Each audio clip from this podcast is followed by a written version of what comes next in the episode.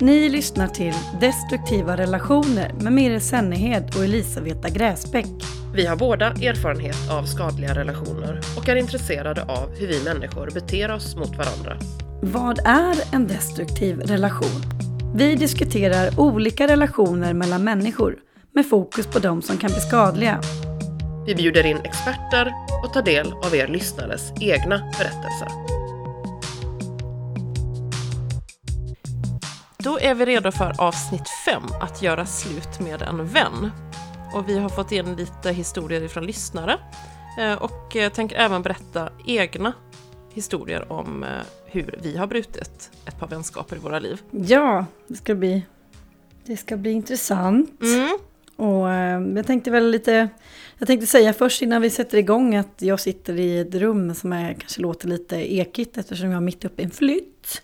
Så jag hoppas ni har överseende med att ljudet kanske låter lite ekigt hos mig. Precis, och jag har, eh, som ni kanske lagt märke till, lite bättre ljud i förra avsnittet jämfört med de andra.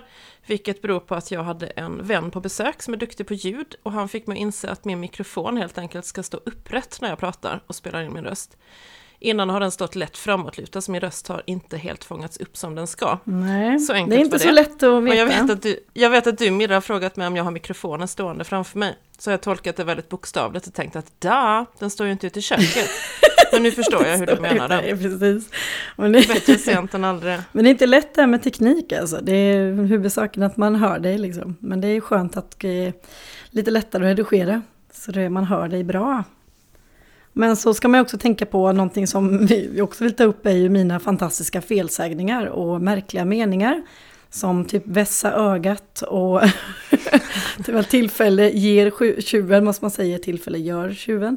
Och att jag också använder narcissistisk personlighetsstörning som det heter då, men jag sa beteendestörning förra poddavsnittet. Så ja, jag tänkte jag kunde ge dig positionen att vara min lilla ordhitler Lisa, så du kan hjälpa mig här. För du har varit, varit tyst för att vara snäll. ja, men precis, jag tänker ändå huvudsaken är att man gör sig förstådd, men vissa termer kan ändå vara bra att man är eh, korrekt kring. Ja, nej men det känns viktigt. Ja, jag tänker också apropå termer då, jag nämnde eh, histrionisk eh, personlighetsstörning i förra avsnittet apropå energitjuven som vi kallade för Dramaten. Och kan förklara lite vad jag menar med det eftersom jag bara slängde det ur mig. Men det är då en, eh, en störning som kortfattat innebär att en person har problem med omgivningen på det viset att man är överteatralisk. Man kan vara sexuellt utmanande eller på olika sätt eh, överdrivet mån om att få andras uppmärksamhet. Det kallas också för hysterisk eller psykoinfantil personlighetsstörning. Och det är både män och kvinnor som kan ha den här eh, personlighetsstörningen, men det är avsevärt mycket fler kvinnor som får diagnosen. Det är väldigt spännande. Sen ska man inte glömma också att människor kan ha histrioniska drag utan att det finns en personlighetsstörning i botten. Jo, precis som man kan ha narcissistiska drag utan att vara utan att ha själva personlighetsstörningen. Liksom, att man kan ha drag och saker. Men jag tycker det är spännande att det finns just, för energitjuvar fanns ju inte som definition liksom i psykologböckerna, men det finns ändå vissa drag som vi har pratat om som ändå har en, en diagnos inom psykiatrin. Ja, precis. ja, och sen vill vi ju tacka som sagt, vi har fått jättefina recensioner och ni skriver till oss och fortsätt gärna göra det.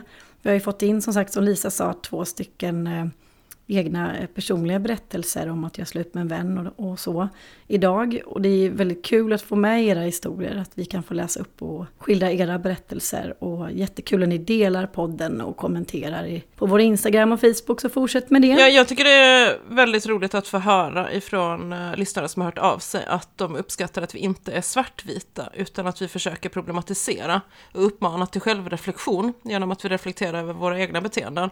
Jag tycker det känns eh, väldigt bra eftersom eh, det är eh, precis vår tanke med den här podden, att inte vara svartvita eller dömande. För det Nej, är precis. människor bra på i allmänheten då. Jo, men det är ju det. Och det, jag tror att det är ju, vi är ju små hobbypsykologer, på säga, men det, vi, har ju, vi sitter ju mest bara och reflekterar och tänker och funderar och, och delar de här tankarna som människor gör runt middagsbordet eller på fiket liksom. Mm.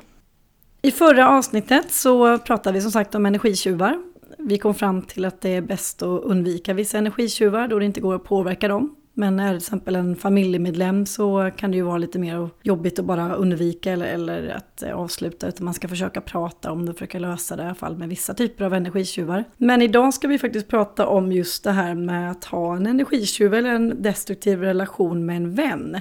Någon som helt enkelt inte det fungerar inte och eh, man kanske har försökt att nå fram, man kanske försöker att prata och, och det fungerar inte. Man får inte relationen att vara hållbar. Man känner att man måste bryta med den här personen, vilket kan vara väldigt svårt och komplext, speciellt om man har en kompis som har gemensamma vänner och man är samma kompisgäng och så. Ja, så tänker jag också att det är inte så roligt heller att vara den som säger ifrån och sätter gränser. Man kan lätt utmålas som den som skapar drama, när det egentligen handlar om att man drar gränser som känns viktiga för en själv. Mm.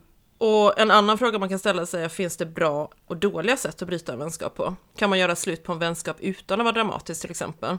Och det tänker jag naturligtvis också beror på vad det är för typ av person som man bryter med, hur vänskapen har sett Mm, ut och sådär. Men jag tänker också, jag som inte gillar att vara en drama queen, men tycker om att klargöra saker, jag försöker gärna, när jag, de få gånger det har hänt, brutit med en vän, ha ett konstruktivt samtal där jag i lugn ton vill förklara vad som inte fungerar och varför jag känner som jag gör.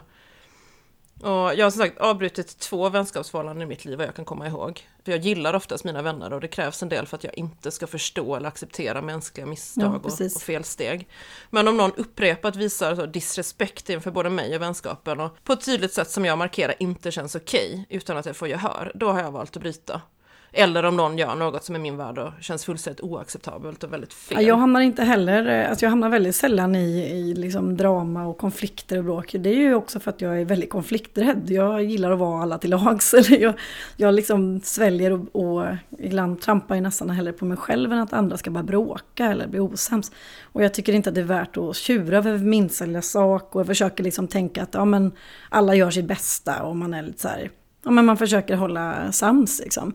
Men jag har också brytit Mm. med jag har brutit med två liksom nära vänner. Men sen har man ju liksom kanske skitit och hör av sig till vissa bekanta. Eller man låter det rinna ut i sanden. Att man undviker. Eller, eller att man ber, om man bråkat med någon bekant som inte varit nära. Som har betett sig illa. Liksom. Men det har inte varit i den inre kretsen. Jag tänker att det beror sig på hur viktig en vänskap är, hur mycket energi och så man lägger på att Mm, avsluta den exakt. också. Men eh, vi har faktiskt fått in lite berättelser från er lyssnare angående detta. Som vi ska läsa upp.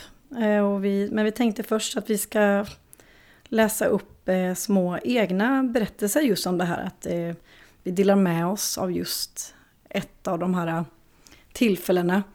Eh, jag har ju som sagt två gånger, men jag har valt ut den här, den senaste för några år sedan. Men jag hade ju faktiskt, jag gjorde ju slut med en kompis i högstadiet genom att ge henne en liten lapp via en kompis. Det kanske inte var det bästa sättet att göra slut på. Ja, lite gulligt sådär. Ja, det var ju också så att man växte ifrån varandra och, var- och ville gå olika vägar. Men jag har valt ut att berätta om den andra vänskapen faktiskt. Eh, Men jag tänkte att du kanske kan börja berätta din historia Lisa, om när du gjorde slut med en vän. Jag träffade Lina när jag var runt 25 och vi kom att bli väldigt nära vänner i ungefär fem år. Vi delade mycket. Jag träffade hennes familj och vänner och vice versa. Vi firade högtider ihop och alla såg oss som ett naturligt vänpar. Kom bara den ena så undrade man vad den andra var. Vi hördes i stort sett jämt och delade allt som väninnor gör. Lina kallade mig för sin moraliska kompass. Och i efterhand har det slagit mig. Varför behöver man en sån? Jag var en bra person att förknippas med. Jag brukar ibland skämtsamt kalla mig själv för moralens väktare. Sådant som ärlighet, lojalitet och trohet sätter jag högt värde på. Och jag tycker man ska vara rädd om både sig själv och andra. Lina sa ofta att hennes familj var så glad för att vi var vänner. De tyckte att jag hade ett gott inflytande i Linas liv. Jag märkte tidigt att Lina var en notoriskt otrogen tjej. Var hon i ett förhållande så hindrade inte det henne från att ligga med andra. Och hon hade heller inga problem med att flörta med och förföra upptagna män. Det var snarare regel än undantag. Mycket av hennes bekräftelse verkade handla om män. Det var något vi hade flera diskussioner om under tiden som vänner. Och jag försökte tala henne till rätta. Jag menade att Lina skapade oreda både för sig själv och andra. Det blev nyårsafton och vi skulle fira nyår ihop. Jag och min dåvarande pojkvän och Lina. Det var deras förslag och just då hade Lina flyttat från stan så hon var hemma på besök just under nyårshelgen. Samma morgon, på nyårsafton, provocerar min pojkvän fram ett bråk och han vet exakt vilka knappar han skulle trycka på för att jag skulle gå. Jag betraktade vårt bråk som ett avslut på relationen det blev droppen som fick en redan full bägare att rinna över. Och Lina fick ju naturligtvis höra allt. Kort efter att jag berättat om bråket hör Lina av sig och säger att hon har mensvärk. Planerna för kvällen avstyrs och jag planerar annat. Dagen efter ses jag och Lina. Hon berättar en bizarr historia för mig. Hennes mammas bästa väninna ska ha berättat för henne om hur hon haft ihop det med hennes pappa precis efter deras skilsmässa. Detta vet inte mamman om, nu lång tid senare. Lina frågar mig vad jag tycker och jag svarar att hade det varit en väninna till mig så hade jag aldrig sett henne i ögonen igen. Detta inser jag i efterhand var Linas sätt att ta tempen på mig för att se hur jag skulle reagera om det kom fram och allt avslöjades. Jag vill ge ytterligare en nyans av Lina som person. Under samma kväll som vi ses och hon berättar om sin mammas väninna berättar hon att hon är bjuden som hedersbrud Tärna till en av sina nära vänners bröllop. En tjej som både jag och Lina känner. Lina säger helt kallt till mig att de är inte så nära vänner längre och att hon tänkte prioritera sitt jobb den dagen istället, i en annan del av Sverige. Men att hon tänkte säga det samma dag som bröllopet, så att det låter mer trovärdigt. Jag protesterade och sa att vår gemensamma vän uppenbarligen fortfarande ser de två som nära vänner, med tanke på inbjudan och hedersplatsen på bröllopet. Jag sa att det var elakt att resonera som Lina och att jag hade blivit jätteledsen om en vän ljög så för mig. Men Lisa, dig skulle jag aldrig ljuga för, säger Lina. En märklig kommentar bara det. För varför skulle man ljuga för en vän, men inte för en annan? Det gick ytterligare en tid. Efter mycket om och men upptäckte jag att min dåvarande pojkvän levde ett dubbelliv och hade varit otrogen mot mig ett flertal gånger och med flera kvinnor. Plötsligt började min magkänsla skrika Linas namn. Jag plockade upp luren och ringde henne. Jag frågade som det var. Att jag var oerhört ledsen och nere över mina övriga upptäckter runt mitt ex. Och nu undrade jag om någonting någonsin hade hänt mellan dem under de år som vi varit ett par. Om han försökt kyssa henne, bjuda ut henne eller vad som helst. Eftersom jag inte är en svartsjuk typ vet jag att de träffats en del på tu hand. Han brukade komma förbi innan stängning på restaurangen där hon jobbade och ta ett glas. På min fråga svarade Lina Vet du Lisa, jag minns faktiskt inte. Min magkänsla skrek rakt ut. Det var ett oerhört dåligt försök till lögn. Bara för att vara på den säkra sidan gjorde jag efterforskningar och fick mina farhågor bekräftade av vänner och bekanta. Lina och mitt ex har definitivt träffats. Men efter nyår verkar intresset ha avtagit. En annan intressant sak som jag lade märke till var att både mitt ex, som jag tyvärr gick tillbaka till efter vårt gräl det nyåret, och Lina båda pratade illa om varandra efter nyår. Lina tyckte jag skulle göra slut och se mig om efter någon annan. Och mitt ex påtalade hur mycket Lina ljög och undrade hur jag fortfarande stod ut med hennes lögner. Det var som att båda ville att jag skulle hålla mig undan den andra, för att de inte skulle avslöjas. Det intressanta är också att jag sen i efterhand kunde lägga samman allt och se hur deras lögner, mitt ex och Linas, var så snarlika i hur de la fram saker. Ibland är det som att lögnare fungerar på samma sätt och liksom ljuger lika dåligt. Den här historien har verkligen lärt mig att lita på min magkänsla. Efter detta har jag träffat Lina en gång och faktiskt pratat med henne. Hon ville förhöra sig mycket kring mitt ex och om vi hade kontakt. Hon sa sig inte vilja ha kontakt med honom. Men jag vet att de har det idag och jag har ingen av dem i mitt liv. Lina ville höra varför jag var så övertygad om att de varit med varandra och hur jag faktiskt kunde veta att det hänt.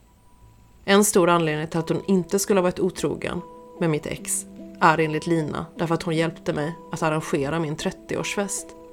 Ett mycket märkligt argument i mina öron. Lina nekar fortfarande till allt, men jag är trygg i min uppfattning. Jag vet, och jag vill inte ha en sån person nära mig. Hon har spelat ut sin roll, och jag önskar ibland att fler vänner runt henne förstod att hon inte är den varma och väna figur som hon vill framstå som.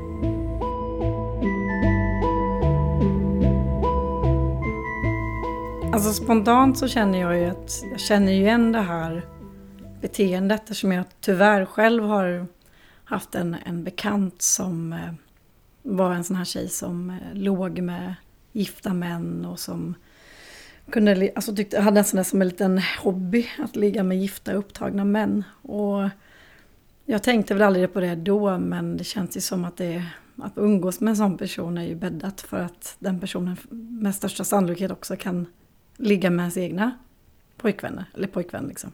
Jag var ju väldigt naiv där och tänkte att hon ljuger för andra men hon ljuger inte för mig.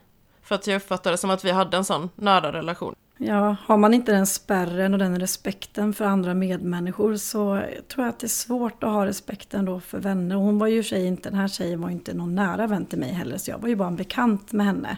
Bekant kompis med gemensamma kompisar. Och då kände jag ju att det är ju klockrent, det är klart hon inte respekterar mig. Jag är väl som vilken random kvinna som helst som han. Mm. Eller som hon. Ja men bekräftelsen går före då. Mm. Före vänskapen. Nej, men det, och sen just som du, jag tyckte det var intressant också du sa det här med att eh, när man säger att dig skulle jag inte ljuga för. Nej, men du ljuger för alla andra liksom, eller vadå? Det... Ja men jag vet inte, det, där avslöjar man ju sig själv bara genom den kommentaren. Mm, det känns väldigt det känns som en märklig kommentar faktiskt att säga. Och det är väldigt spännande just med otrohet, för vi kommer prata om just otrohet faktiskt också i ett framtida avsnitt och snöa in lite grann mer på det. Ja men så hade du en historia också när du eh, har gjort slut på en vänskap. Ja, precis. Eh, jag har en historia här som jag ska läsa upp för er och anonymt såklart, precis som din Lisa.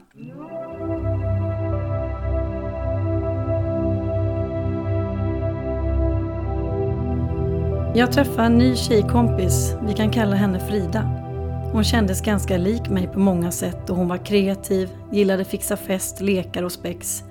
Skillnaden mellan oss var väl mest att hon var mer blyg och hade väldigt låg självkänsla och sökte bekräftelse på andra sätt än jag, på väldigt ytliga sätt. Utsidan var viktig och hon var först med att kommentera andras utseende och överöste andra med komplimanger om utsidan så fort de fick tillfälle. Samtidigt klankade hon ständigt ner på sig själv och ville att andra skulle höja henne med komplimanger i mängder. I början lovebombade hon mig totalt. Jag blev så bekräftad, beundrad och hon skickade små kärleksbrev, gulliga bilder på oss som hon framkallat och sånt. Jag har aldrig haft sådana vänner som varit sådär stereotypiskt tjejiga, då jag alltid varit pojkflicka och aldrig fått den där enorma beundran som hon gav mig. Så det kändes lite kul att ha en ny typ av vän än vad jag brukar ha, men samtidigt ringde varningsklockorna inom mig. Jag kände oro att hon skulle börja se mig som en konkurrent snarare och inte en nära vän. Sakta upphörde lovebombingen och hon slutade vara perfekta kompisen som hon hade presenterat sig som. Hon slutade kasta bekräftelse över mig. Jag kände, vad har jag gjort för fel? Så jag försökte vara henne till lag så gott jag kunde för jag ville tillbaka till den här underbara vänskapsrelationen som vi hade i början. Hon började snacka skit om andra gemensamma vänner klaga och gnälla på att alla andra jämt var så dumma, beklagade sig över livet. Hon krävde att man öppet bekräftade henne på olika sätt, postade bilder på sociala medier, ringde henne ofta och svarade när hon ringde. Om man inte gjorde det så blev hon sur och det blev ofta drama runt henne och hon hamnade i konflikter med andra vänner ofta. Hon kändes lite som maffian. Om man fick en eh, tårta så ville hon ha en tårta plus hög ränta tillbaka. Det kändes inte som att hon gjorde saker genuint utan mest för att få samma tillbaka. Hon verkar ha en känsla av att hon inte dög om hon inte presenterade och visade upp en perfekt fasad. Hon kunde vara jättegullig och påhittig och ordna saker och ställa upp. Men jag lärde mig snart att det inte kom gratis och hon krävde att man rullade ut röda mattan för henne efter hennes ansträngningar. Och tacksamheten skulle alltid visas på sociala medier såklart. De som inte stod henne nära märkte aldrig, aldrig av dessa bestraffningar, skitsnacket, passiva aggressiviteten och alla känslostormar. De såg henne som en glad, känslig, omtänksam och lite osäker tjej som var snäll. Så som även jag såg henne från början. Men vissa vänner varnade mig i början att jag borde vara försiktig med henne, att hon verkade väldigt instabil och osäker. Men jag slog bort detta först och tyckte vännerna felbedömde henne. Jag försökte ständigt bekräfta henne då jag såg hon sökte det. Och jag sa jämt att hon inte behövde göra massa saker hela tiden. Min vänskap till henne var prestigelös. Hon dög som den hon var och behövde inte vara till lags. Dessutom blev jag stressad av att hennes höga krav gick ut över mig. För jag behövde ju prestera minst lika mycket för annars var jag en dålig vän. Det blev som om jag drogs in i en tävling om vem som var snyggast, bästa vännen och presterade bäst. Och allt skulle jämt verka så perfekt. Framför ridån log hon och poserade och bakom grät hon eller var arg. Hon spelade gärna ut andra och kunde beklaga sig över att andra minsann inte hjälpte till eller var lika duktiga som hon, men hon släppte inte heller in andra att hjälpa till. Trots att hon överöste av presenter och överraskningar kunde hon gnälla och vara besviken. Jag minns till exempel när jag bjöd henne på en krogrunda då hon var arbetslös och fattig, betalade mat och dryck för henne och taxi för en hel kväll ihop. Och ändå var hon inte tacksam. Hon klagade och surade då för att killarna på krogen tydligen spanade in mig. Men jag märkte inte av detta då jag hade pojkvän och det hade ju hon med och då brukar jag inte lägga fokus på andras blickar. Jag såg hur hon ständigt sökte bekräftelse från omgivningen och sökte speciellt mäns uppmärksamhet. Jag bjöd ut henne på event och presenterade henne för vänner och ändå blev hon sur om hon inte fick 100% av mitt och andras fokus. Hon sa hon kände sig som min skugga och kunde förstöra kvällen och var tvär och sur över det. Och trots att jag vände ut och in på mig själv för att vara den där tjejiga bästisen som var klädd i rosa sockervadd och regnbågar så misslyckades jag jämt. För jag är både disträ, skiter i materiella saker, lägger inte fokus på ytligheter, stör mig inte på småsaker, blir glad när andra visar omtanke på sitt sätt, letar inte fel hos andra och jag är allmänt odramatisk.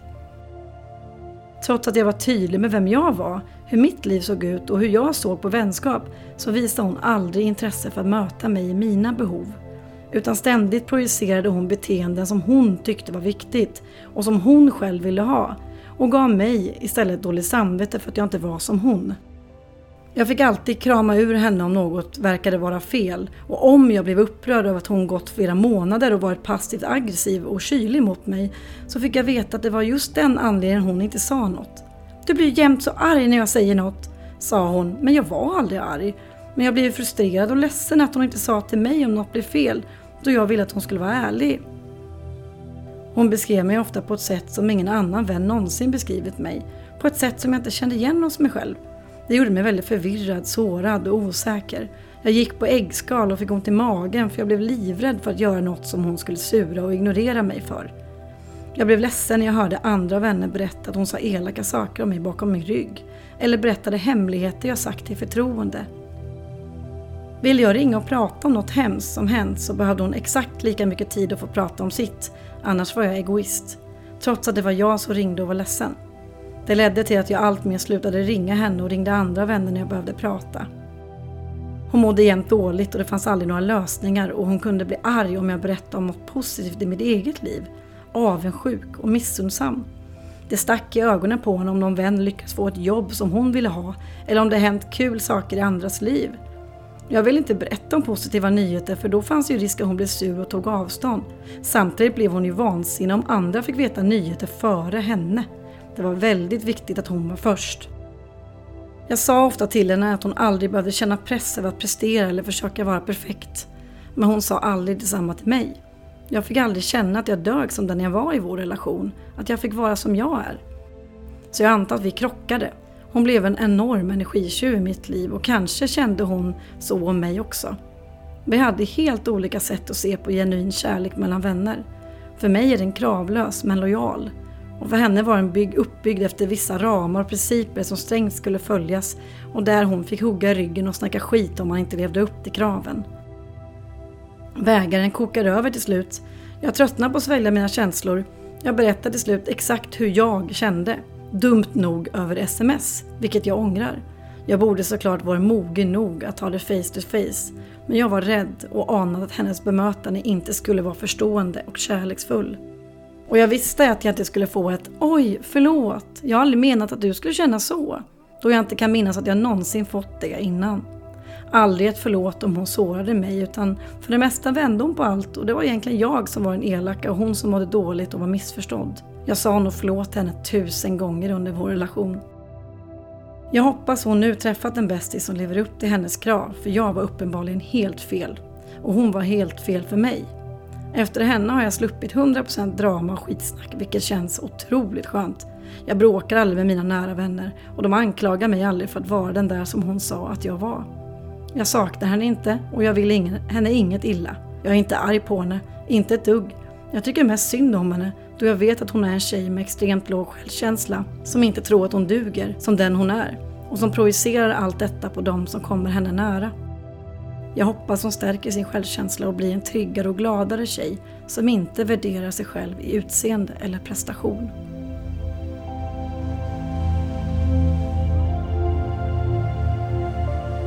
Ja, det låter ju utan tvekan som en eh, destruktiv vänskapsrelation. Ja. Men eh, som du är inne på, att det är ju, man tycker ju synd om henne när man, när man hör det. Det låter ju inte som en tjej som har det så lätt själv. Nej, Men, eh, Nej Men alltså, hon, är, hon är ju ingen ond person. Nej precis, men det slukar ju energi att vara i närheten av någon. Alltså det låter som att du har fått tassa på tå där liksom, för att hon inte ska bli besviken eller liksom ta saker fel. Ja, Och jag tänker också att det är svårt att, ehm, vad ska man säga, för en sådan person att konfronteras med sina egna tillkortakommanden därför att Ja men dels då har man då låg självkänsla, dålig självkänsla så ehm, det blir oerhört mycket man ska processera och erkänna jag för sig själv. också att det, om liksom, jag tror att hon också har haft liksom brist på vuxna människor som har lyssnat på hennes känslor när hon växte upp. Hon har nog känt det här beteendet som hon gjorde mot mig känner jag att hon kanske har blivit själv utsatt för. Det, det, det, jag fick den känslan Mm. många gånger. Och på något sätt så tyckte man ju, det gjorde ju att man såg ju den här men snälla omtänksamma tjejen som jag tycker finns inom henne liksom. Och jag vet inte om det kan vara att Ja, att man kanske just vill ge det där som hon inte har Precis, fått. och jag känner, exakt så. Precis som det kan vara i destruktiva kärleksrelationer. Man, man sätter sig nästan i, i liksom en, man vill ge den här bekräftelsen och, och få den här människan att må bra och tycka om sig själv. För att liksom, jag ville ju att hon skulle se sig själv i mina ögon. Och sen tänker jag att den här relationen vi hade kanske inte alls är så med andra vänner hon har. De kanske inte alls känner igen det här. Och då känner jag att då kanske mina egenskaper helt enkelt triggade henne på olika sätt. Det kan ju också vara så. Alltså att jag, mitt beteende Absolut. den jag är helt enkelt krockade med henne så hårt så hon blev så frustrerad och arg och, och liksom ja, energikrävande för att hon tyckte jag var det. Jag menar det, det vet man ju inte. Det här är ju min liksom, uppfattning om hur, hur vår relation såg ut och att jag var tvungen att liksom göra slut. Eller jag ville ju inte göra slut först och främst. Jag ville ju bara berätta hur jag kände men det ledde ju till ett eh, sms-krig som inte ledde till att vi skakade hand efteråt liksom. Nej, Eh, precis. Sen är det jobbiga typ, är ju när man har gemensamma vänner och sånt. När andra i kompisgänget blir liksom, ja du vet, involverade. Jag hatar ju att vara den här personen som är omständig. Alltså jag kan inte ens vara vegetarian för jag tycker det är jobbigt om man, jag vill vara allt, kunna äta allting för blir jag bjuden på middag så vill jag inte vara omständig liksom. Nej, de. Den typen. Och då vill man inte vara den personen som leder till att hela kompisgänget, att det blir bråk. Det är, usch, det är det värsta jag vet verkligen. Nej, tänker bråk eller konstig stämning. Ja, eller hur? Jag vill, inte, jag vill inte vara den som, som... Jag är inte van att vara den som skapar det. Så jag hamnade ju liksom i en roll som jag definitivt inte trivs med. Rebecka är en lyssnare som har mejlat oss och som har gett sin historia om när hennes bästa vän sedan tio år dumpade henne i sorg, besvikelse och ilska. Och Rebecka berättar så här i sitt mejl.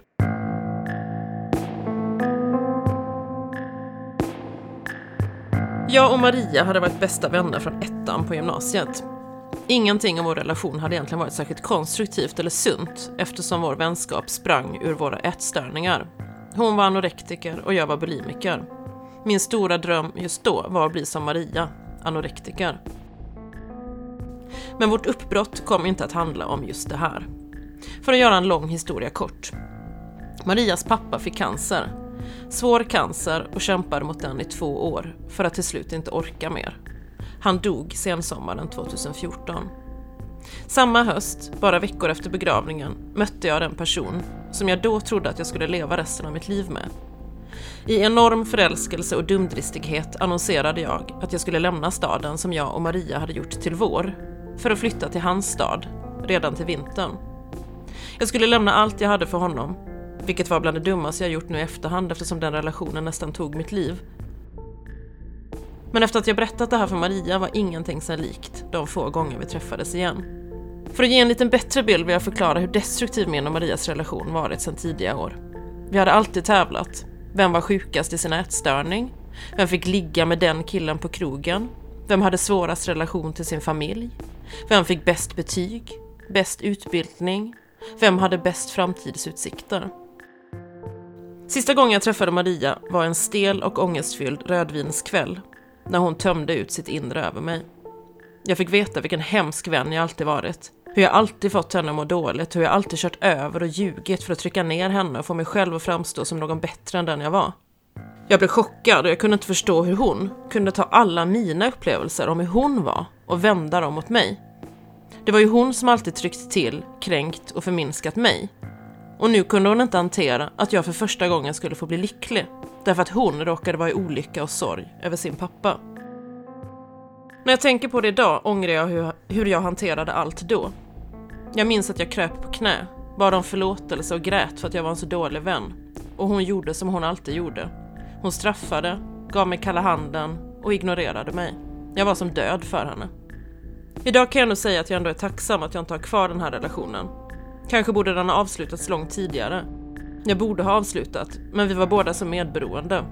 Medberoende i och med den oerhörda psykiska ohälsa vi båda led av och triggade hos varandra. Jag mötte henne en gång sen, i ex-pojkvännens stad, dit jag flyttade. Hon såg mig, hennes blick svartnade och sen vände hon sig om och gick åt ett annat håll. Mitt hjärta sjönk och jag förstod att hon och jag kommer aldrig ha någon form av kontakt igen. Det gjorde ont men jag förstod att jag var ju en sån dålig vän. Jag förtjänade inte henne, hon som alltid berättat för mig hur dålig jag var. Till slut blev jag nog det. Jag valde bort henne och hennes självhat, sorg och destruktivitet för min egen kärlek och möjlighet till lycka. Uppbrottet fick bli Marias seger, men jag gick starkare ur allt till slut. Idag om vi skulle mötas igen skulle det svida i mitt bröst och jag vill be henne om förlåtelse samtidigt som jag känner nyfikenhet på vem hon är idag. Har hon funnit lycka och lugn i själen? Jag önskar i alla fall att hon mår bra. Jag tänker att det här, det jag hör är ju en, en missunnsam vän här som är så uppe i sin egen olycka. Och någonstans har de ju delat, alltså deras vänskap har någonstans gått ut på att dela samma olycka. Och eh, att hon inte kan bli glad för sin, sin väns eh, plötsliga lycka. Ja, det måste vara jobbigt också att bära på det där, för jag tänker liksom med, med, med min gamla vän då, liksom att eh, springa runt och hata varandra eller känna liksom ilska, det, det, är ju en enorm börda att gå och bära på det där liksom. Jag känner att man måste någonstans försonas med det förflutna och att man liksom bara kunna heja på varandra och så behöver man inte göra mer än det. Alltså man kan ändå tycker bara, jag känner det när man, när man ser varandra och det blir svart i blicken på en. Alltså det hatet då liksom, om man går bär på det måste vara väldigt Ja det måste vara rätt tungt. Jag, jag tänker det låter ju skönt för mm. Rebeckas skull här att kunna ha lagt det själv åt sidan och inte vara bitter längre. Som det låter på henne, att hon önskar i alla fall att, att Maria mår bra. Och att eh, hon har funnit sin lycka. Det, känns ju, jag tror att det är lättare att göra så. För jag menar, även om man har upplevt en relation som destruktiv med vänner och att man inte funkar ihop eller att man hade en destruktiv relation så, så är det jobbigt att gå runt och känna det där ilskan när man träffar på varandra och så. Men ja, samtidigt så finns det ju saker andra gör som man inte kan förlåta och så heller kanske. Det är inte så lätt, det beror ju på vilken slags relation man gör slut med. Ja, jag tänker också just det här när död är inblandad så kan man ju ha förståelse för att någon kanske inte tar saker helt vad ska man säga, helt nyktert. Nej, precis. Men att man ändå vaknar upp ur det här. Och, man kan inte äh, tänka helt rationellt. Och kommer till sans. Och kanske inser att oj, så hård borde jag inte ha varit. Ja, jag tycker ändå att hon var lite ödmjuk i sin text liksom. Det var inte det här äh, mm. Att det fanns en liksom, destruktivitet som genomsyrar hela relationen och att hon även också gjorde fel på olika sätt. Sen att behöva krypa efter någon kanske inte heller känns Nej, det ska man ju inte behöva göra bra. för en vän, tänker jag, som äh, står den så nära. Skulle någon komma och säga förlåt till mig så om man har liksom bråkat om grejer då jag vet inte, jag har varit, varit ganska förlåten av mig men jag vet inte. Ibland så tror jag att människor kanske upplever mig som en hårdare person, att de inte vågar be om ursäkt till mig när de har gjort något dumt istället för skit. Istället så skiter de Ja, för många liksom. gånger tänker jag, jag är, jag är väldigt ödmjuk om någon eh, ber om ursäkt, för då är det inte någonting som man vill älta eller på något vis liksom. Jag är ingen långsint person. Nej, man vill ju lösa Precis. saker. Jag vill förstå.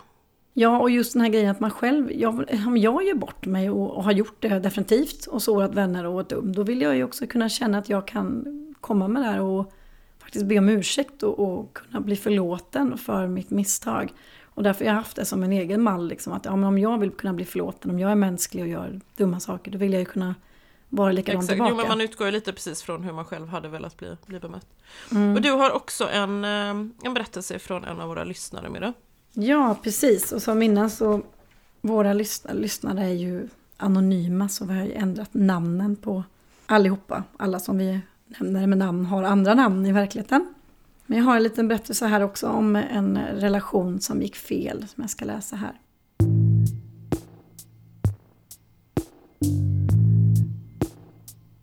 När jag var i 20-årsåldern hade jag en tjejkompis. Vi kan kalla henne Jessica. Vi var ett rätt stort kompisgäng som festade mycket. Vi hade inte känt varann i mer än två, tre år, men hon var en av mina närmsta vänner och en av dem som jag umgicks mest med. Det var som sagt mycket fest och vi var på vårt stammisställe en kväll med lite kompisar. Jag hade fått min första ordentliga lön, så ville fira lite extra. Skulle gå till baren och köpa en runda, men då hittade jag inte mitt bankomatkort. Var ganska full så hade väl tappat det eller något, tänkte jag. Så någon annan köper öl och jag går på toa. När jag kommer tillbaka så letar Jessica runt i min väska som jag lämnar kvar vid bordet och hittar mitt bankomatkort. Hon kallar mig klant och säger att jag tog nog fel i fack eller något. Dagen efter går jag på stan för att shoppa lite kläder. När jag ska betala i en affär så går köpet inte igenom. Vilket jag tycker var konstigt för jag visste att jag hade cirka 10 000 kronor på kontot.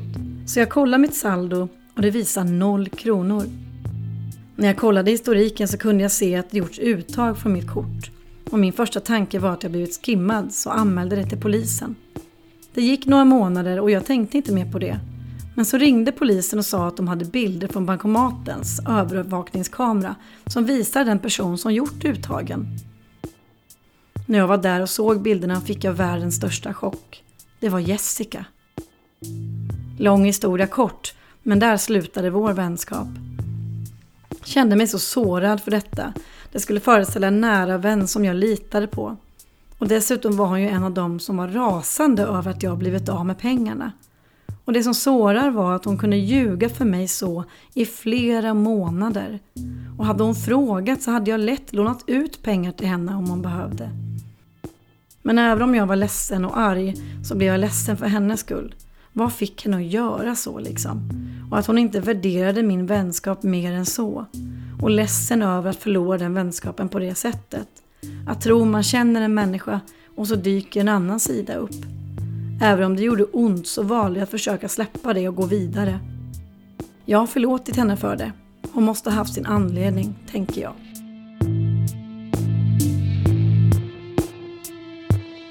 Väldigt ödmjukt avslut. Ja, väldigt ödmjukt avslut. Jag får lite gåshud av obehagligt det måste ha varit att sett de här eh, övervakningsbilderna eh, från kameran. Att, mm, verkligen usch. fruktansvärt att se en, en nära vän som man har liksom, äh, fy det, det måste vara jättejobbigt. Sen kan, man, ja, sen kan man absolut tänka som hon då att det fanns antagligen en anledning. Den här tjejen låter ju inte som att hon hade kanske kunnat låna pengar för att hon inte kunde eller ville lämna tillbaka. Så hon gjorde så här istället, men vilket eh, galet övertramp. Ja, alltså man känner ju att i desperata lägen i livet så kan nog människor göra väldigt eh, orationella, korkade, dumma, egoistiska saker för sin egen överlevnad på något sätt. Så hon kanske var någon slags utsatt situation, kanske hade spelskulder eller liksom drogpengarskulder. Ja, det låter alltså, som att det är något som är Eller så, knepet, ja, eller på något sätt var hon i kris på något sätt. Eller så vet man inte, det kan ju vara man hade psykiska problem också på något vis. Det är svårt att veta över ett sånt brev så liksom, men eh, det känns ju inte som någonting man gör mot en vän och det känns ju som att den här personen som skickade in den här brevet var en väldigt omtänksam vän och skulle kunna ha hjälpt den här vännen om den hade bett om hjälp. Men det är inte alltid så lätt att be om hjälp. Det är nog lättare att man gör mm. dumheter i desperata situationer kanske. Nej, men precis. Men det, ja, men det, det finns ju så här extrema tillfällen där man, när någon har liksom en kompis har liksom varit otrogen, eller ja, liksom legat med ens pojkvän eller stulit pengar av en eller, eller liksom gör riktigt hemska svek som är ganska uppenbart att det inte är så lätt att bara förlåta och gå vidare för det förtroendet är ju totalt förstört. Känner jag. Men, men, mm. Och sen, sen finns det de här andra varianterna man växer ifrån varandra och känner att, eh, att man har liksom börjat gå in på olika vägar i livet och känner att den andra personen kanske inte alls det funkar inte längre. Man, man kanske krockar och liksom, det blir inte trevligt. Och då brukar väl kanske folk oftast bara sluta höra av sig och så rinner det ut i sanden. Men det finns ju människor som inte riktigt förstår det här mm. med rinna ut i sanden utan då fortsätter och liksom vill umgås eller, eller kanske att man har gemensamma vänner så det blir rätt uppenbart att man behöver säga till vännen att ja, men vi funkar inte, vi kan inte umgås. Sådana samtal kan ju vara knepiga när den andra inte riktigt är på samma, samma linje. Och inte riktigt ser det man själv ser och känner. Eller hur? Jag tänker det här också, vi pratar mycket om att det kan vara svårt eh, när det handlar om att man, man bryter en vänskap och man fortfarande har gemensamma vänner med eh, den här personen. Eh, och jag tänker att det är viktigt att komma ihåg att respektera att andra fortfarande umgås och träffar någon som man själv inte längre vill umgås med. Man har ju personliga relationer och vännen som man då gör slut med kanske är en energitjuv för mig och sårar mig men är snäll och trevlig mot andra. Att det är fel att tvinga sin uppfattning på andra människor även om det kan vara skönt med stöd. Sen tänker jag också att självklart beror det på varför man gör slut med en vän. Är det till exempel en manipulativ person så kanske fler människor far illa i den här personens närhet. Och då vill man kanske till och med upplysa dem om det och stötta dem ja, så att de inte ska fara mer illa. Men det där är väldigt, det, det där är komplicerat, det där är svårt alltså. För det, det blir ju, det är lätt att den manipulativa personen är den som upplyser andra om att att man själv är den dumma. Alltså det, det är så Man ska svårt hinna först liksom. Ja, nej men tävling. Nej men, mm. det, men det, jag tycker det är komplext just att för man, det är väldigt ofta det händer det att man kanske hamnar, man, eller när man hamnar i en konflikt med någon så vill man ju ha stöd av sina vänner. Och är då ens vänner gemensam vän med den man blir osams med så är det ju en väldigt jobbig situation.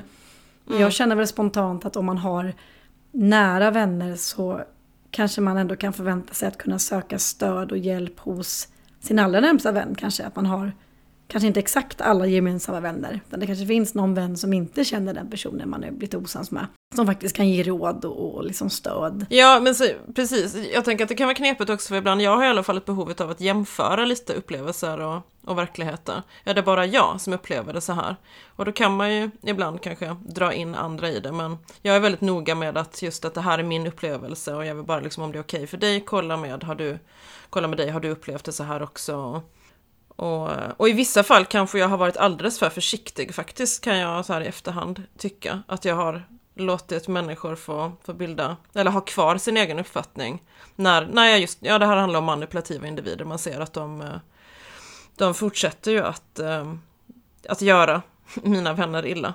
Man måste ändå kunna varna människor om det handlar om någon som... Om, jag menar, det blir ju ganska konstigt om då den här personen som skickade in den här eh, anonyma berättelsen om eh, en kompis som stjäl pengar. Det känns ju som en ganska given grej. Man måste berätta för andra liksom, mm. att den här personen har liksom stulit pengar av mig. För den personen kan ju direkt vara farlig och göra saker som är ännu värre mot andra människor. Ja men precis, var lite vaksam här. Mm, där känns det ju klockrent. Men däremot om det blir att man krockar för att man upplever varandra som energitjuvar eller att man helt enkelt inte gillar en person. För ibland kan det ju vara så att man helt enkelt inte gillar någon och det finns ingen direkt anledning. Man bara stör sig på varandra. Och då blir det väldigt konstigt om man ska få med sig andra och bara ah, men han är så himla konstig eller hon är så jobbig. För andra kanske inte upplever henne eller honom så jobbig. Och jag har aldrig riktigt förstått det här med att man ska bilda någon trupp. Liksom. För det det har jag aldrig, jag gjorde inte så heller när, när jag blev ju själv mobbad i högstadiet när jag gjorde slut med min dåvarande bästis för att hon och jag vi gick åt olika håll och jag kände att hon levde väldigt destruktivt liv och jag kände att jag ville inte leva det livet hon levde. Och jag fick inte riktigt bestämma så jag kände att jag ville bryta med henne. Och då liksom drog ju hon ihop alla våra gemensamma vänner och vände dem emot mig. Totalt spelade ut mig. Och jag gjorde ju inte tvärtom, jag gick inte och snackade skit om henne.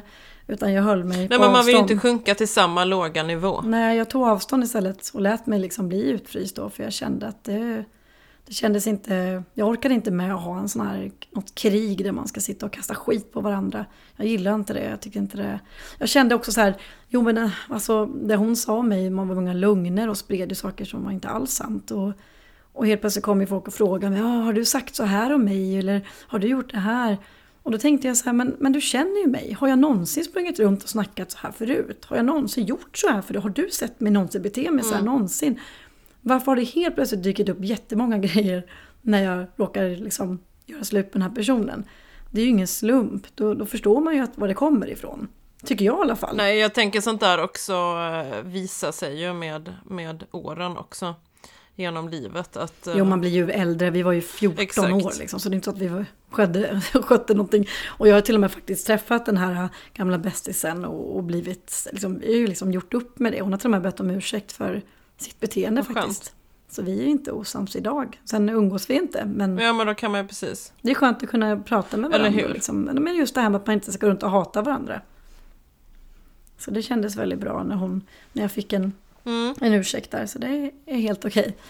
Men jag tänker också på Nej men just det här att man, man ska respektera gemensamma vänner och sånt. Jag har till exempel inga problem att gå på en fest eller möta de här personerna som jag inte gillar. Eller, eller just det här, den här vännen som jag har gjort slut med. Om vi skulle träffas på gemensamma sammanhang på något sätt.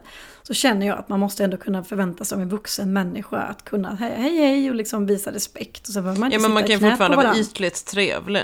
Ja, man behöver inte sitta i knät på varandra och kyssa varandra utan man kan ju bara visa re- respekt. Liksom. Och jag förstår inte, jag har ingen behov av att frysa ut en annan människa till varje pris. Liksom. Utan det här är ju våran relation som gick knas av olika anledningar. Om det inte då är en person som faktiskt har ju, alltså, misshandlat mig eh, fysiskt eller snott grejer, alltså gjort grejer som är olagligt och sjukt beteende, då, då hade jag nog haft svårare att möta en person på en hemmafest och säga hej på dig. Ja, men det har man ju ingen lust med i sådana fall. Nej. Jag, Då vill man ju markera avstånd.